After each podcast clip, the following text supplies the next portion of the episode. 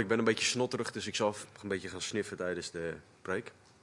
Probeer daar maar niet op te letten. Ehm, we gaan namelijk vandaag beginnen aan, ik weet nog niet precies hoeveel delen, maar een gedeelte over het huwelijk.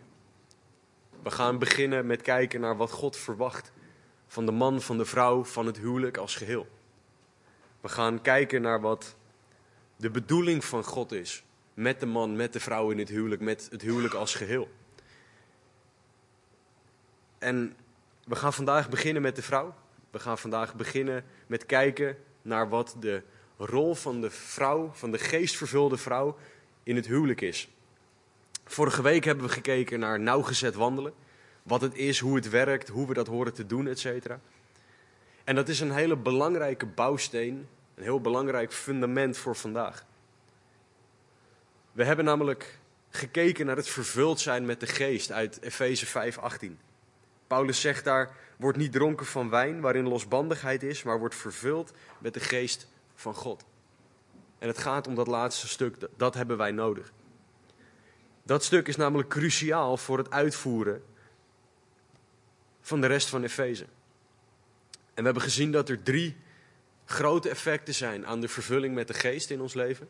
We hebben gezien dat de laatste in vers 21 van Efeze 5 staat, waar staat: Wees elkaar onderdanig in de vrezen God. En dat vers wordt uitgewerkt in de komende versen. Paulus gaat ons drie relaties laten zien waarin onderdanigheid van belang is. Hij gaat het laten zien in het huwelijk. Dat is in Efeze 5, vers 22 tot en met 32. Hij gaat het laten zien in de ouder-kindrelatie in Efeze 6, vers 1 tot en met 4.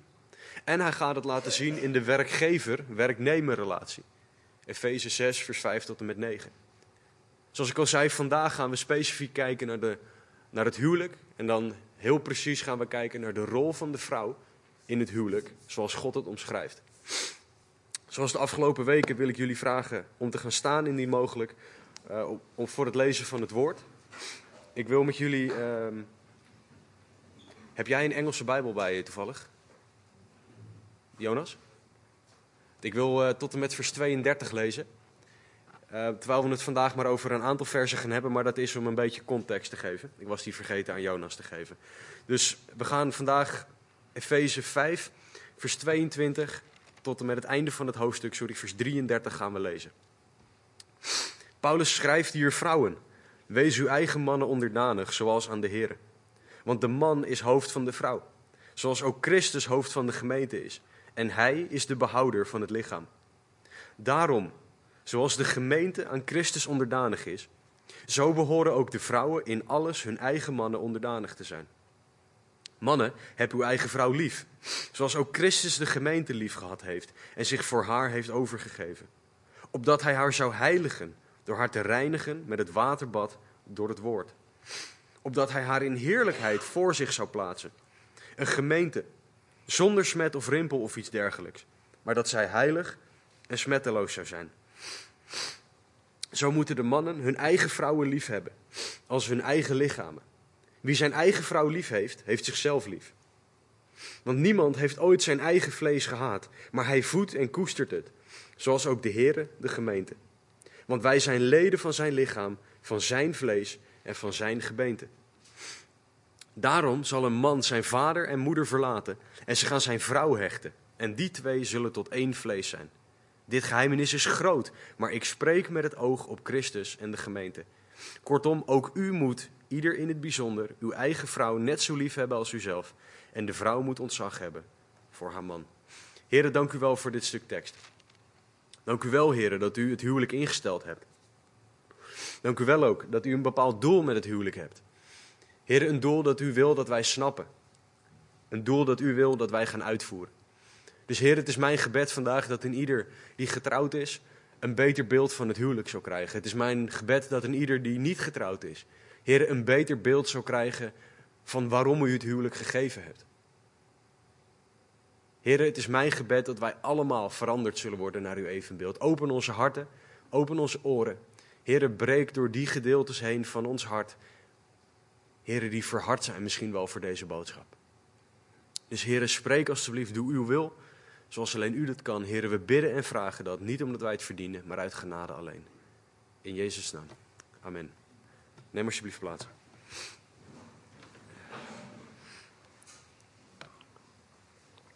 Het huwelijk. Het is iets waar de Bijbel heel veel over te zeggen heeft. Waarom heeft de Bijbel er veel over te zeggen? Omdat de Bijbel de plek is waar het huwelijk is ingesteld. God is degene die het huwelijk zoals wij het nu kennen ingesteld heeft. En in Genesis 2, vers 21 tot en met 24 wordt het eerste huwelijk wordt door God ingesteld tussen Adam en Eva. En er zijn heel veel dingen die we daaruit zouden kunnen halen uit dat stuk, maar ik wil één ding, één fundamenteel ding wil ik uit het eerste huwelijk halen. En dat is dat God aangeeft, het huwelijk is tussen één man en één vrouw. Tegenwoordig verzinnen we allerlei andere combinaties. Polygamie, ehm, mannen met mannen, vrouwen met vrouwen. God zegt, het huwelijk is één man en één vrouw. Zo simpel is het. Dat is hoe God het ingesteld heeft. Dat is hoe God het huwelijk bedoeld heeft. De schepper van hemel en aarde, de alwetende God, schiep de mens, schiep de man en de vrouw om bij elkaar gebracht te worden in het huwelijk. Dit is een fundamenteel stuk om te begrijpen, omdat wanneer we door de tekst in Efeze 5 heen gaan, zullen we zien dat God een taak heeft voor de vrouw en voor de man in die volgorde. Er staat niet, ik heb een taak voor de man en de man of voor de vrouw en de vrouw. God zegt, ik heb een taak voor de vrouw en voor de man. En samen zullen zij het huwelijk vormen dat ik wil dat zij vormen. Samen horen mannen en vrouwen die rol op zich te nemen. Tegenwoordig wil de wereld dat niet horen, maar dat is hoe God het omschrijft. En we gaan vandaag kijken naar de rol van de geestvervulde vrouw in het huwelijk, zoals God het bedoeld heeft. En wat wij gaan zien, en ik wil gewoon gelijk met de deur in huis vallen, is dat de vrouw zich vrijwillig hoort te onderschikken aan haar eigen man. En God gaat ons drie redenen geven waarom de vrouw dit hoort te doen. Vers 22 zegt Paulus: Vrouwen, wees uw eigen mannen onderdanig, zoals aan de Heer. Paulus begint de uitleg van het huwelijk met de vrouw. En dit is niet omdat Paulus zoiets had van dames eerst. Dit is niet omdat hij zegt vrouwen hebben meer tijd nodig. Vrouwen die, ik moet meer tijd aan vrouwen besteden dan aan mannen. Uh, hij besteedt namelijk letterlijk meer verzen aan de man dan aan de vrouw. Ik weet niet wat je daaruit wil halen, dat uh, laat ik aan jullie over. Maar de reden dat Paulus met de vrouw begint is dat hij in vers 21 gezegd heeft: Wees elkaar onderdanig in de vreze God. Oftewel, hij gaat in op onderdanigheid aan elkaar in de vreze Gods binnen de kerk zoals God het bedoeld heeft. En hij maakt dan duidelijk dat de opdracht aan de vrouw is om dit te doen. En hij gaat uitleggen wat dat betekent. Het is belangrijk dat Paulus hier zegt vrouwen. Hij wil de doelgroep duidelijk maken. Bedoelt hij dan elke vrouw trouwens? Wil, wil hij dat alle vrouwen dit doen? Uit de context van het vers staat er: Vrouwen, wees uw eigen mannen onderdanig. Dus Paulus zegt dat de vrouwen over wie dit gaat, getrouwde vrouwen moeten zijn met een man. Anders geldt dit niet. Voor single vrouwen geldt dit niet. Voor verloofde vrouwen geldt dit niet. Want het gaat om het huwelijk. Het is belangrijk dat we dit zien, dat het richting de eigen man is. Want er zijn mannen, er zijn kerken die onderwijzen dat de vrouw ondergeschikt moet zijn aan elke man.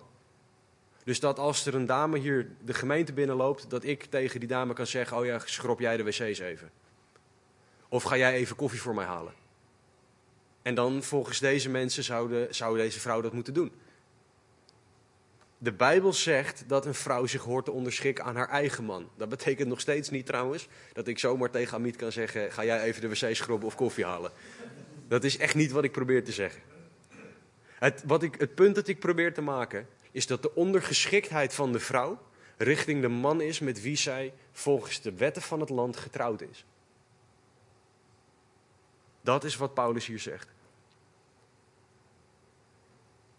Wat belangrijk is om je te beseffen, is dat in Genesis 1, vers 27, toen God de mens schiep, hij de mens gelijk maakte, of in het gelijkenis maakte aan God.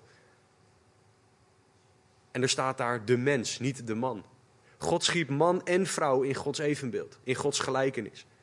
Waarmee we dus direct weten dat de vrouw niet meer of niet minder waard is voor God dan de man.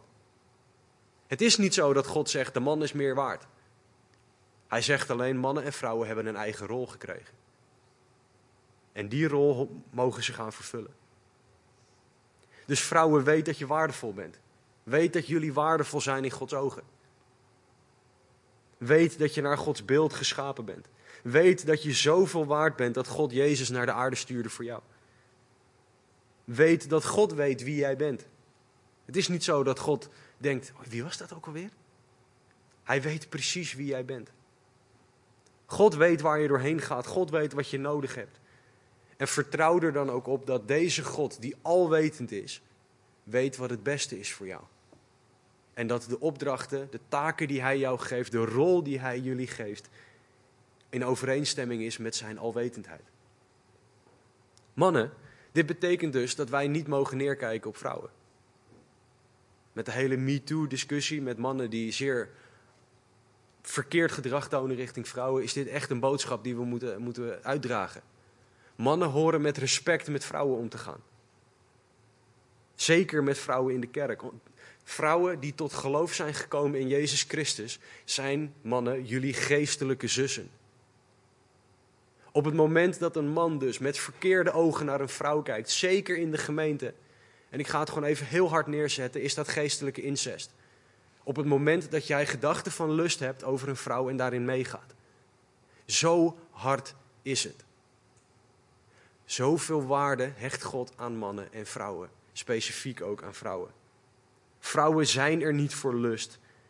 Vrouwen zijn tot eer en glorie van God. Zoveel waarde hecht God aan de vrouw. Dus mannen, wie zijn wij? Wie zijn jullie? Wie ben ik? Om daar verkeerd mee om te gaan. Terug naar de tekst zegt Paulus dat de vrouw onderdanig hoort te zijn aan haar eigen man. En dat is iets dat tegenwoordig een hele negatieve smaak heeft. Want tegenwoordig horen vrouwen onafhankelijk te zijn. Tegenwoordig zegt men dat vrouwen de leiding moeten nemen in het gezin. En soms zelfs dat vrouwen wel even aan hun man moeten laten zien hoe dingen werken. Want als die man het niet kan, schuif hem aan de kant, doe je het zelf. Er is een tijdje geleden een minister geweest. Die heeft gezegd dat ze het niet snapt dat vrouwen financieel afhankelijk willen zijn van hun man. Want elke vrouw zou toch onafhankelijk moeten zijn? Dat is hoe de wereld dingen op ons afvuurt, terwijl God iets heel anders zegt. Toen God de man en de vrouw schiep, had hij een specifiek doel met hen. Ook voor binnen het huwelijk. En het doel voor de vrouw kunnen we halen uit Genesis 2, vers 18. Waar, Paulus, of waar God zegt: Het is niet goed dat de mens alleen is. En hier bedoelt hij dat de man alleen is.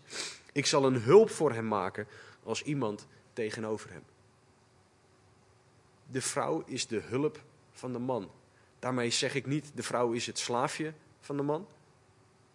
Zij helpt hem. Dat is iets heel anders.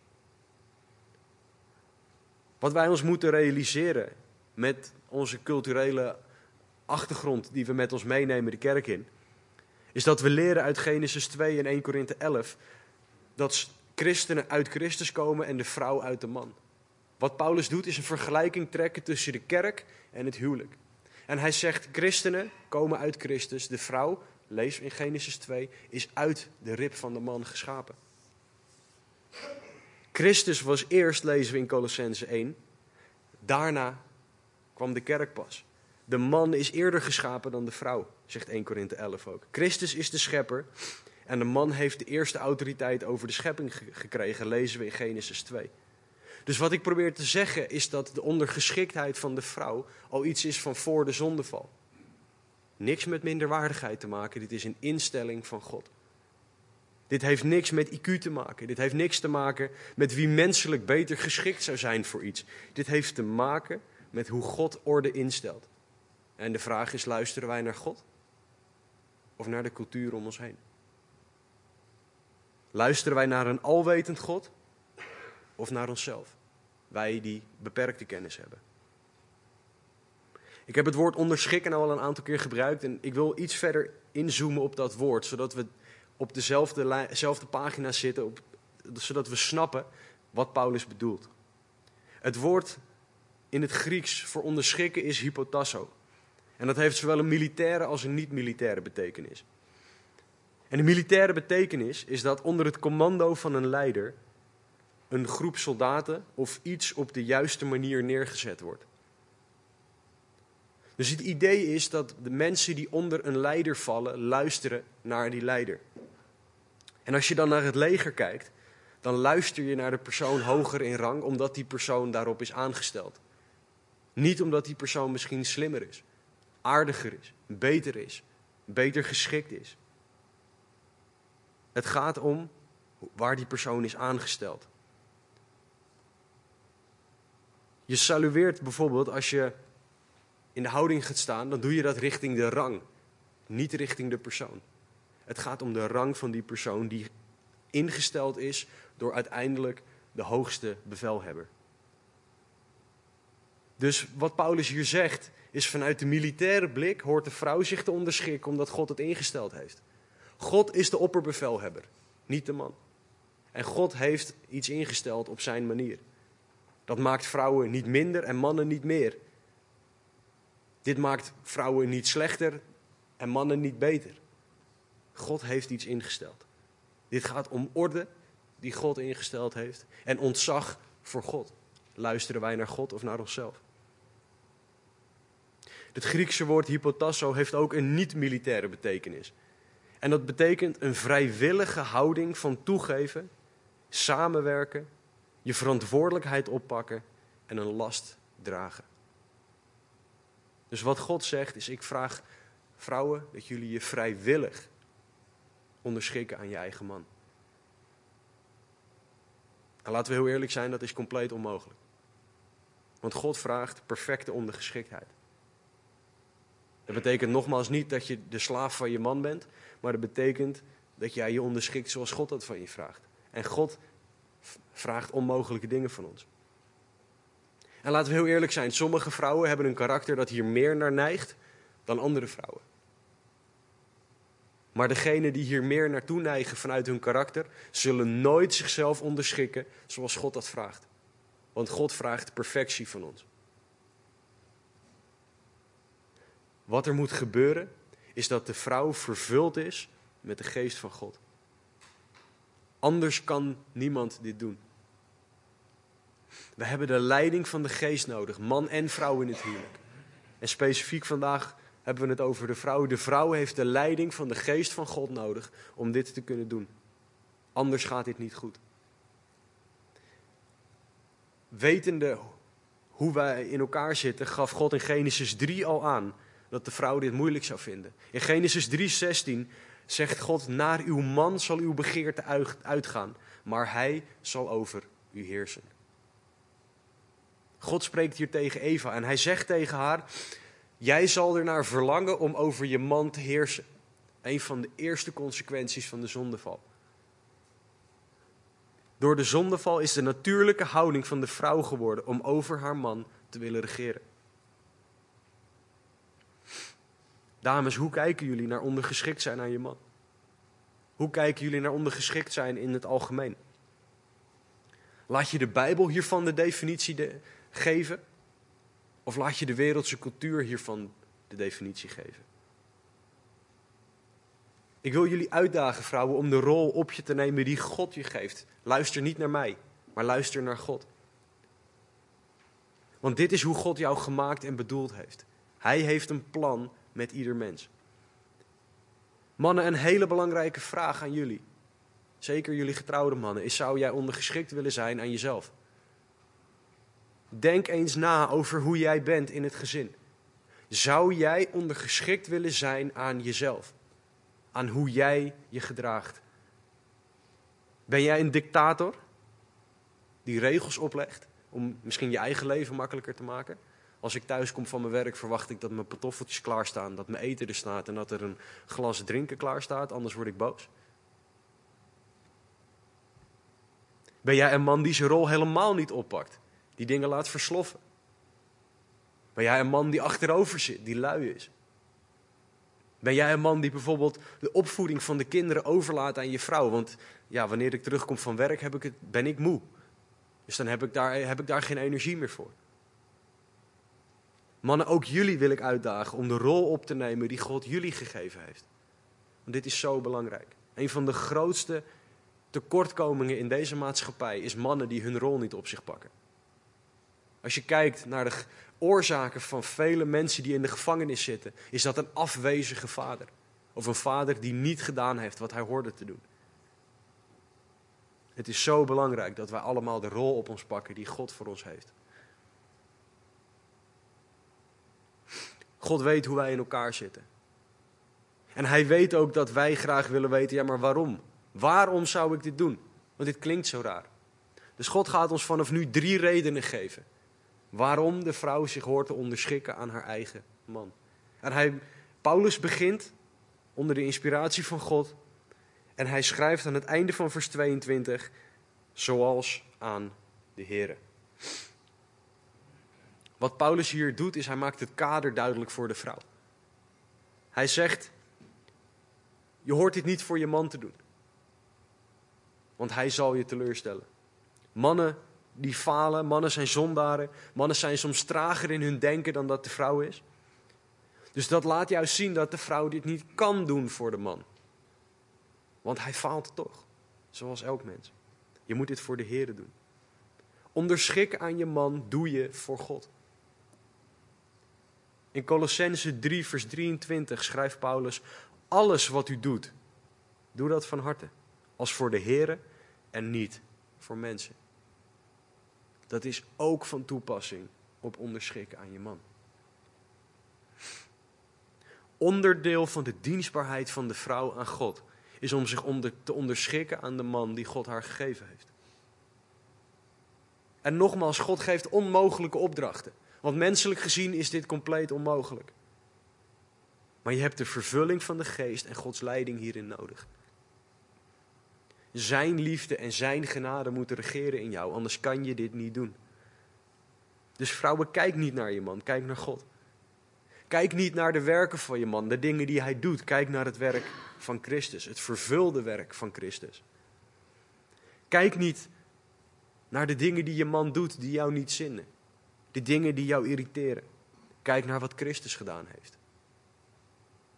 Daar hoort onze focus en aandacht op te zijn, op wat God gedaan heeft. En een gevolg is dan dat God je willen gaat veranderen. Het willen en het werken, zegt Filippenzen 2:13, gaat God veranderen. Zodat je je aan je man wil gaan onderschikken, zoals God het van je gevraagd heeft. Dus de eerste reden die God geeft is: doe dit voor mij. Het is je dienstbaarheid naar mij toe. De tweede reden die Paulus ons geeft, staat aan het begin van vers 23. Daar staat, want de man is hoofd van de vrouw. Wat Paulus hier doet, is hij geeft de autoriteit en verantwoordelijkheid aan binnen het huwelijk. In 1 Korinthe 11:3 verwoordt Paulus het als volgt: Ik wil dat u weet dat Christus het hoofd is van iedere man, en de man het hoofd van de vrouw, en God het hoofd van Christus. Voor de duidelijkheid wat Paulus hier zegt, is dat de man de laatste autoriteit en de eerste verantwoordelijkheid heeft binnen het huwelijk. De vrouw heeft andere autoriteit en andere verantwoordelijkheden van God gekregen. Christus heeft de uiteindelijke autoriteit in de kerk en de uiteindelijke verantwoordelijkheid voor de kerk. De man is eindverantwoordelijk voor het gezin, zegt God. Als dingen niet goed gaan in een gezin, is de man degene die daardoor God op door God op aangesproken wordt. Dus mannen, dat is de taak die God jullie gegeven heeft. De verantwoordelijkheid die er op jullie schouders rust. Op het moment dat je ergens verantwoordelijk voor bent, is het ook logisch dat je autoriteit hebt. Want anders kan je niks. Als jij verantwoordelijk bent zonder autoriteit, hoe doe je dat? Je kan niet verantwoordelijk zijn zonder autoriteit. Dus het is belangrijk om dit te zien en te begrijpen voor man en voor vrouw. Dat de man de taak van God heeft gekregen waar hij hulp bij nodig heeft. Genesis 2:18. Het is niet goed dat de man alleen is, ik zal hem een helper geven. Om het praktisch te maken, ik kan mijn gezin en mijn huwelijk niet alleen leiden. Daar heb ik de hulp van mijn vrouw bij nodig. Vanochtend was een voorbeeld. Eva die is een fantastisch kindje. Echt niet normaal. Maar vanochtend voelde ze zich niet zo lekker. En we hebben al eerder wat uitleg gehad hoe, wat er gebeurt op het moment dat een baby overgeeft. Nou, vanochtend was het zover. Er kwam echt een straal melk bij Eva uit. Ik zal de details jullie besparen. Maar ik zat met Eva op de bank en zij gooide alles eruit. En ik wist het niet. Ik wist echt van gekkigheid niet wat ik moest doen. Dus het eerste wat in mij opkomt was, ik begin keihard te blaren voor Amit. Heel erg mannelijk, weet ik. Maar ik had op dat moment de hulp van mijn vrouw nodig. Ik had die hulp gewoon nodig. Maar op het moment dat puntje bij paaltje komt, ben ik eindverantwoordelijk. Op het moment dat er een beslissing moet, moet worden genomen in het gezin. Over financiën. Sorry, over financiën. Over wat dan ook. Ben ik eindverantwoordelijk. Zegt God. Niet de vrouw. Realiseer je dat, mannen. Jullie zijn eindverantwoordelijk voor je gezin. Net zoals Christus eindverantwoordelijk is voor de kerk. Paulus omschrijft het in vers 23 zoals ook Christus hoofd van de gemeente is. En hij is de behouder van het lichaam. Dat is het werk van Christus. En begrijp me niet verkeerd. Begrijp Paulus niet verkeerd. Er staat hier niet dat de man de behouder van de vrouw is. Als man kan jij je vrouw niet redden. De enige persoon die iemand kan redden is Jezus Christus zelf. Wat de taak van de man is, om gewoon het nog eventjes iets mooier te maken, is dat de man een veilige omgeving moet creëren voor zijn vrouw en zijn kinderen. Christus zorgt ervoor dat in de kerk, waar hij regeert, er een veilige omgeving hoort te zijn. Waar iedereen zichzelf kan zijn. De man hoort dat te doen thuis. De man hoort ervoor te zorgen dat de vrouw kan genieten. Dat de vrouw is wie ze is. Dat niks daar in de weg staat. Een man moet zijn vrouw beschermen en steunen. Dat vereist nogmaals dat de man zijn taak oppakt, maar ook vrouwen dat jullie dat toelaten.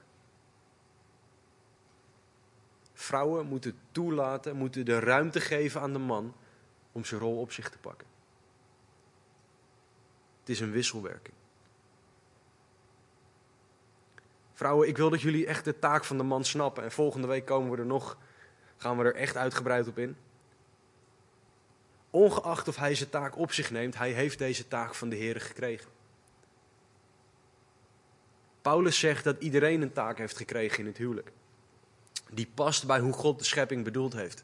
God heeft de man zo gemaakt dat hij onder Gods leiding de verantwoordelijkheid en de last van het gezin kan dragen.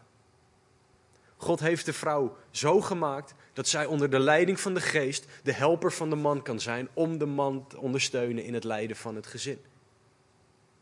Dat zegt niks over of we die taak op ons pakken. Dat zegt wat God van ons verwacht. Dus dames, vertrouwen jullie dat de schepper een doel voor jou heeft? En zijn jullie dan bereid om in dat doel te wandelen, zoals God het bedoeld heeft? Of vullen jullie het zelf in?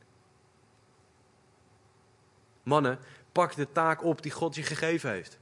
Ik kan het niet vaak genoeg zeggen, ik kan het niet vaak genoeg herhalen. Dat betekent heel duidelijk niet dat jij een dictator mag zijn die de regeltjes even neerlegt thuis. Want zo is Jezus niet. Kijk naar hoe Jezus met zijn kerk omgaat. Dat is hoe jij met je vrouw en je gezin hoort om te gaan. Wees de geestelijk leider van je gezin. Leid je vrouw en je kinderen in gebed, in het woord, Wees de praktisch leider van je gezin. Als jij wil dat het huis opgeruimd is, was fantastisch afgelopen zomer. Een van de voorgangers uit Amerika die zei: een van de belangrijkste lessen die God mij ooit geleerd heeft. Zei, hij zei: Als ik thuis kom, zei God tegen mij: Als jij wil dat het opgeruimd is, dan ruim je toch op. Als jij wil dat de afwas gedaan wordt, dan doe je de afwas toch? Als jij wil dat de was gedaan wordt, de wasmachine staat er. Verzamel de was en gooi het erin. Geef het goede voorbeeld. Want op het moment dat jij dat doet, wat zien de kinderen dan? Wat zien de mensen om je heen dan? Een man die zijn vrouw dient. Een huwelijk dat anders is dan wat ze ooit gezien hebben. Kinderen zien papa die zijn taak op zich neemt. Kinderen zien mama die kan floreren in wie ze is, omdat papa daar ruimte voor maakt. De vraag is, doen jullie dat? Geven jullie die ruimte aan elkaar en pakken jullie de rol op die je hebt gekregen van God?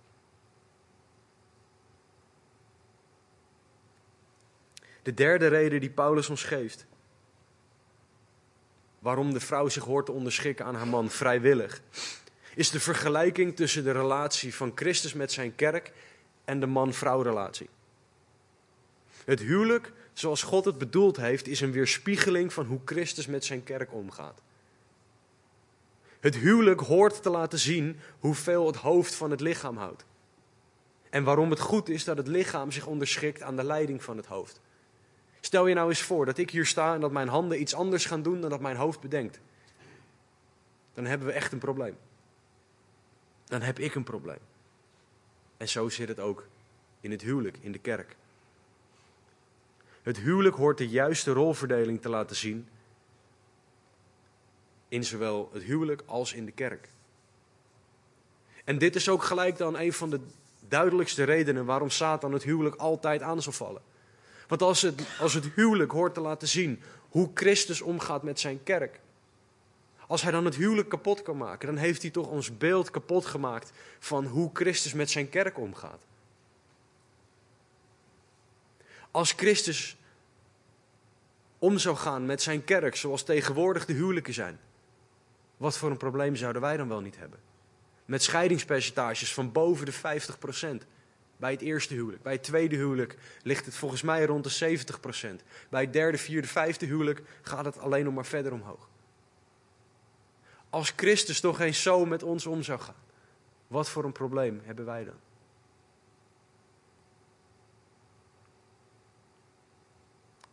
Voor de duidelijkheid, Paulus zegt hier niet dat de man gelijk is aan Christus. Paulus zegt ook niet dat de vrouw op dezelfde, compleet perfect dezelfde manier ondergeschikt moet zijn aan haar man zoals ze aan Christus is. Want Christus vraagt gehoorzaamheid van ons, perfecte gehoorzaamheid. En ik kan niet tegen Amit zeggen, ga jij even het dak eh, schoonmaken. En dan moet zij maar klakkeloos dat van mij aannemen. We komen straks nog op een aantal dingen dat als een man die van zijn vrouw vraagt, dat de vrouw bijbels gezien nee mag zeggen. Wat Paulus hier zegt, is zoals de kerk zich vrijwillig onderschikt aan Christus. Want wij kiezen ervoor om in Hem te geloven, het is een keuze. Zo hoort de vrouw zich vrijwillig onder haar man te schikken. Want dat is de orde die God ingesteld heeft. Het is niet zo dat God zegt, nou ja, zie maar wat je doet in de kerk. Luister naar Christus, luister niet naar Christus, maakt het uit. Dat is wat de wereld zegt, dat het huwelijk zo hoort te zijn. Tegenwoordig zegt men, ja, maar kom jij nog wel aan je trekken met, jou, met, met wat jij graag wil, met, met jouw verlangens? Terwijl God het huwelijk instelt met: Ik wil dat jij 100% van jezelf aan je partner geeft. Want als jij 100% geeft, zal de ander niks tekort komen. De vraag is: doen wij dat? Of doen we dat niet? De laatste zin van vers 24, de derde reden, is een lastige. Paulus zegt, zoals de gemeente aan Christus onderdanig is, zo behoren ook de vrouwen in alles hun eigen mannen onderdanig te zijn. En alles klinkt hier een beetje raar. Ik denk, ik ga het Grieks onderzoeken en dan komt eruit dat alles iets anders betekent dan alles. Maar dat is niet zo.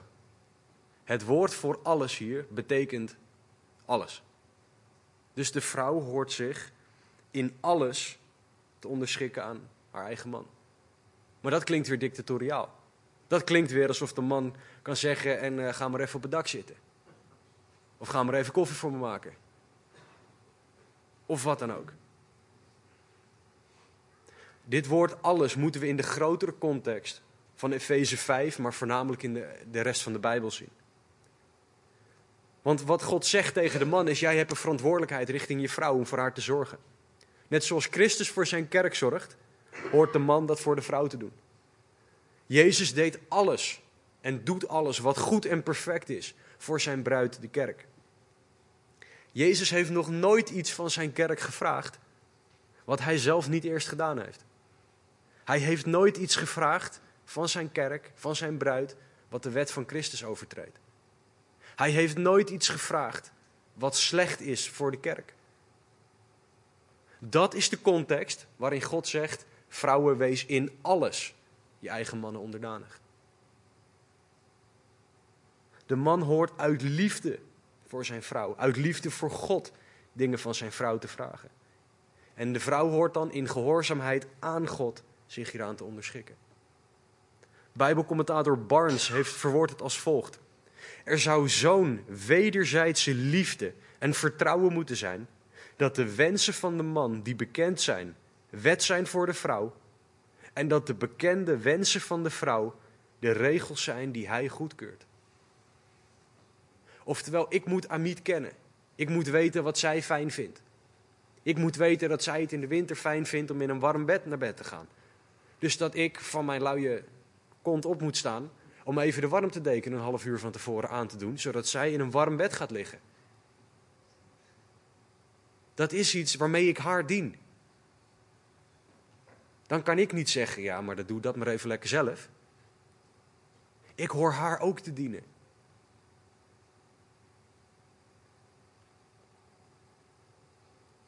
Er zijn uitzonderingen op alles. Bijbelse uitzonderingen op alles. Op, in alles je onderschikken. David Guzik heeft er vier gegeven die ik graag met jullie wil delen. De eerste en de duidelijkste is als de man de vrouw vraagt om te zondigen. Ik mag nooit van mijn vrouw vragen om te zondigen. Want Gods wet gaat boven wat ik zeg. Gelukkig. Als de man iets vraagt aan de vrouw dat tegen Gods woord ingaat, heeft de vrouw twee taken. Eén, nee zeggen. En twee, in liefde hem aanspreken. Allebei zijn de verantwoordelijkheid van de vrouw op dat moment. De tweede is, volgens David Guzik, als de man door een medische aandoening onbekwaam of zelfs krankzinnig geworden is. Wat hij hiermee bedoelt is dat de vrouw de man niet in alles hoeft te gehoorzamen als de man door een medische aandoening zijn beoordelingsvermogen minder geworden is. Dan heb je dus, kan je niet meer denken zoals God het van je vraagt. En zal je dus dingen vragen die niet juist zijn. De derde is als de man zijn vrouw fysiek mishandelt en de veiligheid van zijn vrouw en kinderen in het gevaar brengt. Dan hoeft de vrouw niet te gehoorzamen en hoeft ze niet onder zijn geweld te blijven. Tenzij de Heer dat heel duidelijk van haar vraagt. Je hoeft niet te blijven. De vierde is als de man het huwelijk schaadt door overspel. De Bijbel leert ons dat overspel de enige reden is voor scheiden die goedgekeurd wordt door God. Waarmee de Bijbel niet zegt dat dat is wat altijd juist is, maar het mag. Waarom? Omdat de man dan, even ervan uitgaande dat dit de man is, de eenheid van het huwelijk schaadt. De band van het huwelijk kapot aan het maken is. Als er overspel is, hoeft de vrouw dat niet te accepteren. En de vrouw moet dan met de heren gaan worstelen. Heren, wat verwacht u van mij? Maar de man mag op dat moment niks van zijn vrouw vragen. Want hij heeft het huwelijk kapot gemaakt. Niet zij. Alleen God kan dit herstellen. Dus er zijn uitzonderingen op alles.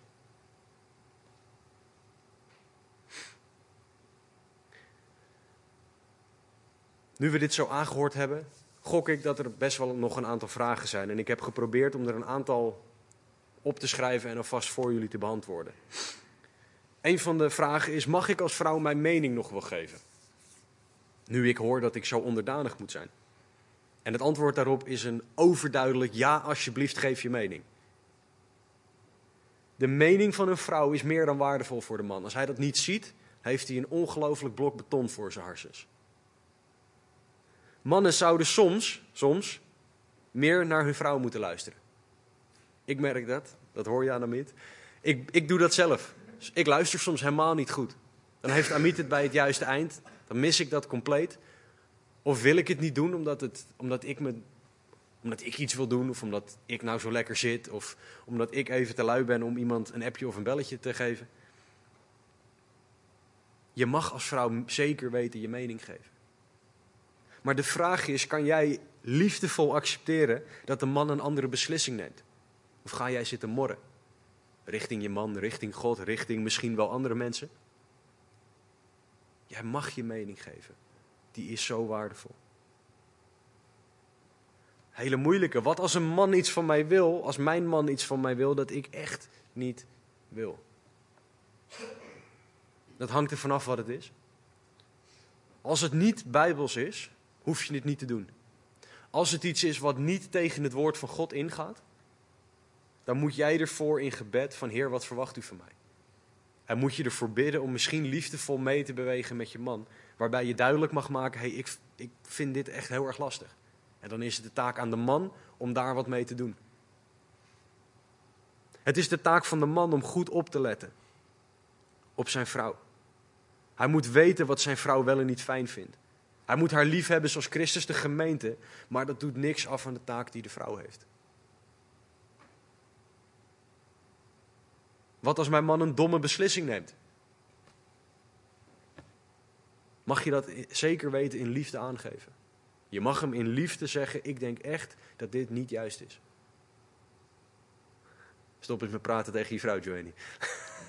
Sorry. Sorry, die was flauw. In liefde mag de vrouw dat aangeven. Maar daarna moet je het ook laten gaan. Zoals ik aangegeven heb, is de man eindverantwoordelijk en moet hij verantwoording afleggen bij God voor elke beslissing. Dus stel hij maakt inderdaad een domme beslissing en die is niet juist, dan is hij het hoofd van het gezin die bij God op het matje moet komen, niet de vrouw. Als God naar een gezin kijkt en dingen lopen niet zoals het hoort, is de man degene die daarop aangesproken wordt, niet de vrouw. Wat als mijn man zijn rol niet oppakt? Wat moet ik dan doen? Er staat nergens in het woord dat je dit alleen hoeft te doen, je onderschikken aan de man, als de man zijn rol oppakt. Er staat tegen de vrouw, er staat voor de vrouw, dit is wat jij hoort te doen. Er staat ook niet, als de man zijn rol goed oppakt, dan doe je dit. Want dan ga jij definiëren wat goed is. Dan gaat de vrouw bepalen wanneer het goed genoeg is in de plaats van God. Dus wat als mijn man zijn rol niet oppakt? Ten allereerste bidden. Bid voor hem. Wees een gebedsstrijder voor je man. Tweede, ga er in liefde over praten. Snij het onderwerp aan. Wijs hem in liefde op zijn verantwoordelijkheid, bijbels. Bijbels gezien op zijn verantwoordelijkheid. En derde, misschien nog wel de moeilijkste van de drie, geef hem de ruimte om de rol op zich te nemen. Tegenwoordig door de cultuur, gewoontes of andere dingen zijn vrouwen gewend om een andere rol op zich te nemen dan wat het woord zegt. Want dit is toch ouderwets en dit hoort toch niet meer in 2017. En misschien had Paulus het wel verkeerd begrepen, ik weet het niet. Ik weet niet wat voor argumenten er allemaal rondzweven. Dit is wat God zegt. Als wij geloven 2 Timotheus 3, 16, 17 dat God heel de schrift gegeven heeft om te onderwijzen, dan is het ook Efeze 5, 22 tot en met 24. Dus is dit de taak voor de vrouw. En als we dan terugkomen op dat de vrouw de ruimte moet geven aan de man, dan moet je weten dat mannen van nature lui zijn. En met lui bedoel ik echt heel erg lui. Als namelijk iemand iets oppakt, wat, wat wij eigenlijk op horen te pakken, zullen wij van nature zeggen: Oh, maar het loopt toch? Het werkt toch? Het gezin draait toch? Iedereen heeft te eten, de, de lichten zijn aan. Waarom doe je zo moeilijk?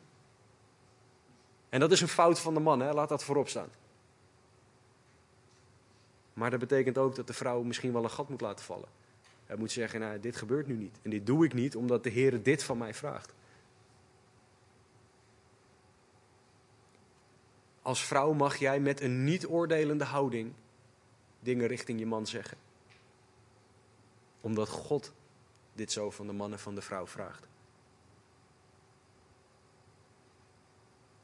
En als laatste vraag die ik opgeschreven had, nou ja, leuk dat ik me moet onderschikken, maar zo zit ik niet in elkaar. Mijn karakter is niet zo. Eentje die ik wel vaker gehoord heb als het op dit onderwerp aankomt. Mijn, mijn enige respons daarop is, is leg het bij de Heer neer. Want als het hele woord van God nuttig is om te onderwijzen, dan is dit dat ook. En volgens mij, en ik ga het niet controleren, ehm, maar als jij een vrouw bent, is dit iets wat God van jou vraagt. God vraagt van elke getrouwde vrouw om dit te doen. Dus ook van jou als jij zegt, ja maar zo is mijn karakter niet. Daar moet je voor gaan bidden. Je moet het bij de Heer neerleggen. En jij moet je niet onderschikken ten eerste aan je man, maar aan God en aan zijn woord. En dan gaat hij jou veranderen. Voor de duidelijkheid, en ik zeg het nu voor de derde keer vandaag. God geeft onmogelijke opdrachten. God vraagt hier iets compleet onmogelijk van de vrouw. Daarom staat het ook in de context van vervuld zijn met de geest van God. De geest van God kan en wil ons veranderen, ons willen en ons werken, Filippenzen 2:13. Daar mogen we hem om vragen, maar je moet het wel willen. Ben jij bereid om door God veranderd te worden hierin? Of zeg je, hij doet het nou wel zo lang fout, laat maar zitten, ik doe het zelf wel. God vraagt van jou om afhankelijk te zijn van hem. Dus dames, ten allereerste sta sterk in de Heer. Zorg dat jouw geloofsrelatie met God ongelooflijk sterk is. Dit is de enige manier waarop jij dit kan doen. Jij moet afhankelijk zijn van God, niet van je man, zijn performance, zijn daden, wat dan ook. Jij moet een geloofsleven hebben dat steunt op Christus en op zijn werk, niet op je man. Want hij faalt. Jij moet elke dag in zijn, bij, in zijn woord lezen, de Bijbel. Je moet elke dag bidden. Jezelf elke dag overgeven aan Hem en vragen of God je wil vullen met zijn geest. Alleen dan kan je dit doen. Warren Wiersbe, een fantastische Bijbelcommentator, voorganger, heeft gezegd: De meeste conflicten in het huwelijk die ik ben tegengekomen als voorganger, kwamen voort uit het falen van de man en of vrouw om zich te onderschikken aan Christus. Om tijd in zijn woord door te brengen en om te zoeken naar het elke dag uitvoeren van zijn wil. Het falen van de man en of vrouw om zich te onderschikken aan Christus. Daar zit de crux. Onderschik jij je aan Christus of niet? Vrouwen, het tweede wat ik tegen jullie wil zeggen, is zoek andere volwassen christenvrouwen op om hierover te praten.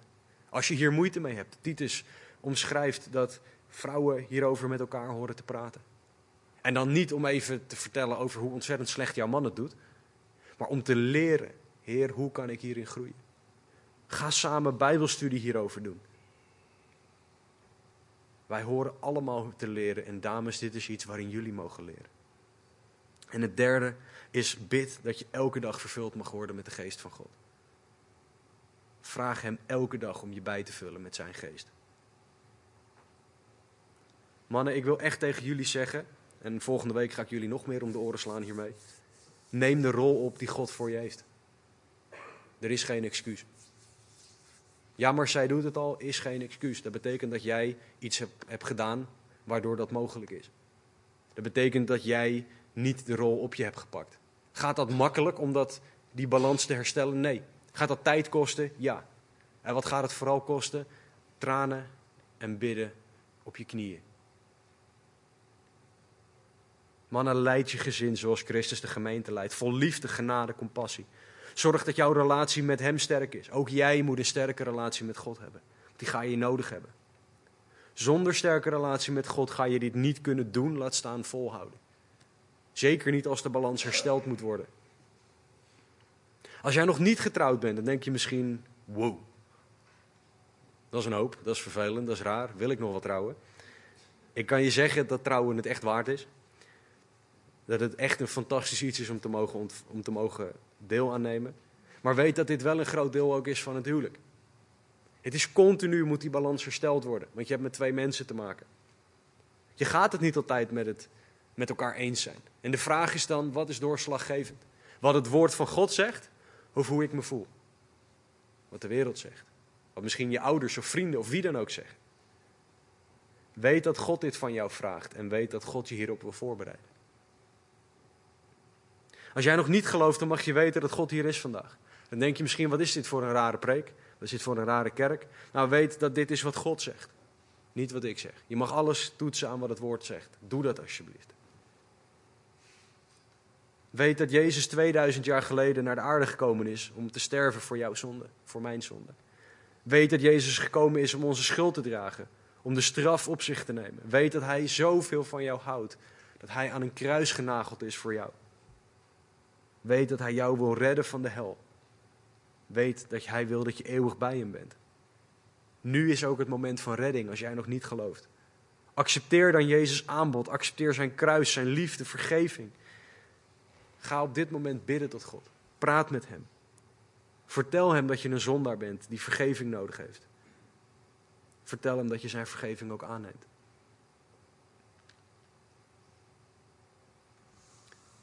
We hebben best wel een flink onderwerp aangesneden vandaag. We hebben iets behandeld wat cultureel gezien heel moeilijk is. En wat we dan mogen weten is dat we dit niet kunnen, maar dat dit alleen kan doordat Jezus voor ons gestorven is. Door zijn werk kunnen wij de Heilige Geest ontvangen. Dus we gaan zo direct Heilig Avondmaal vieren. Wat betekent dat we gaan herdenken wat Jezus voor ons gedaan heeft. We vieren dat Jezus onze straf gedragen heeft, dat Hij overwonnen heeft. We vieren dat we door Zijn bloed, door Zijn kruis en door Zijn striemen genezen zijn. We vieren dat we nu de geest van God mogen ontvangen, door Zijn werk. Dus voor je het avondmaal gaat nemen, zo direct, en ik zal samen met jullie nog een stuk lezen uit 1 Korinthe 11. Ga met God in gesprek over wat er tussen jou en Hem in staat. Voordat je het avondmaal neemt, vraag aan de Heer, Heer, waar schiet ik in tekort? En zet dat recht met de Heer. Beleid je zonde naar de Heer en indien nodig naar elkaar. Leg je leven bij Hem neer en neem daarna het avondmaal. De enige regel die we hier hebben voor het avondmaal is dat jij weet in je hart dat jij een zoon of dochter van Jezus Christus bent, een zoon van God. Als jij dat weet, dan ben jij meer dan welkom om het avondmaal met ons te nemen.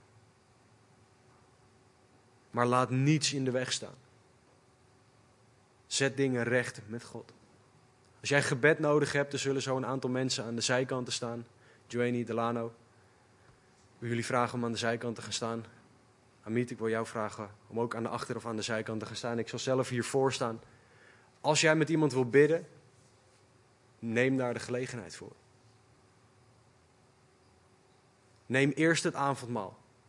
En als je daarna gebed wil hebben, neem het avondmaal. En ga daarna bidden met iemand indien nodig. André zal ons leiden in aanbidding. Ga echt met de Heer in gesprek over wat Hij van jou vraagt. Over wat deze boodschap voor jou persoonlijk betekent. Heren, dank u wel. Dank u wel, heren, dat u de God bent die het huwelijk ingesteld hebt. Dank u wel, heren, dat u een doel hebt met het huwelijk. Dank u wel dat u een doel hebt met de man en met de vrouw. Heren, dank u wel dat u zoveel fantastische zegeningen ook hebt in het huwelijk.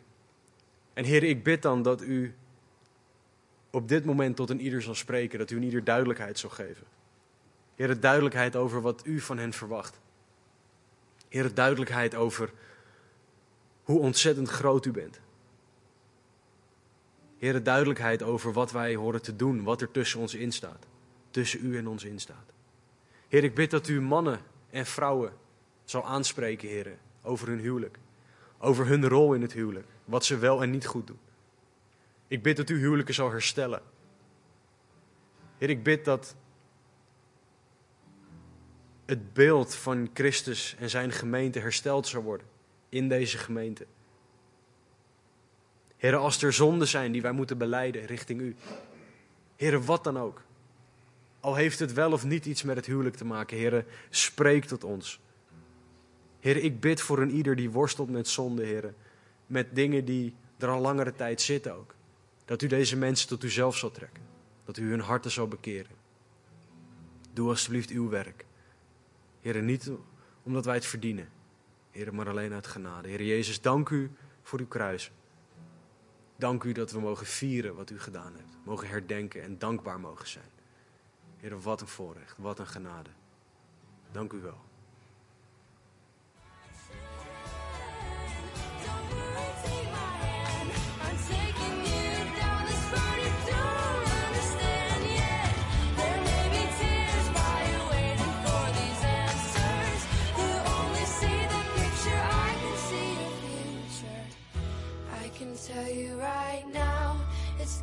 be all.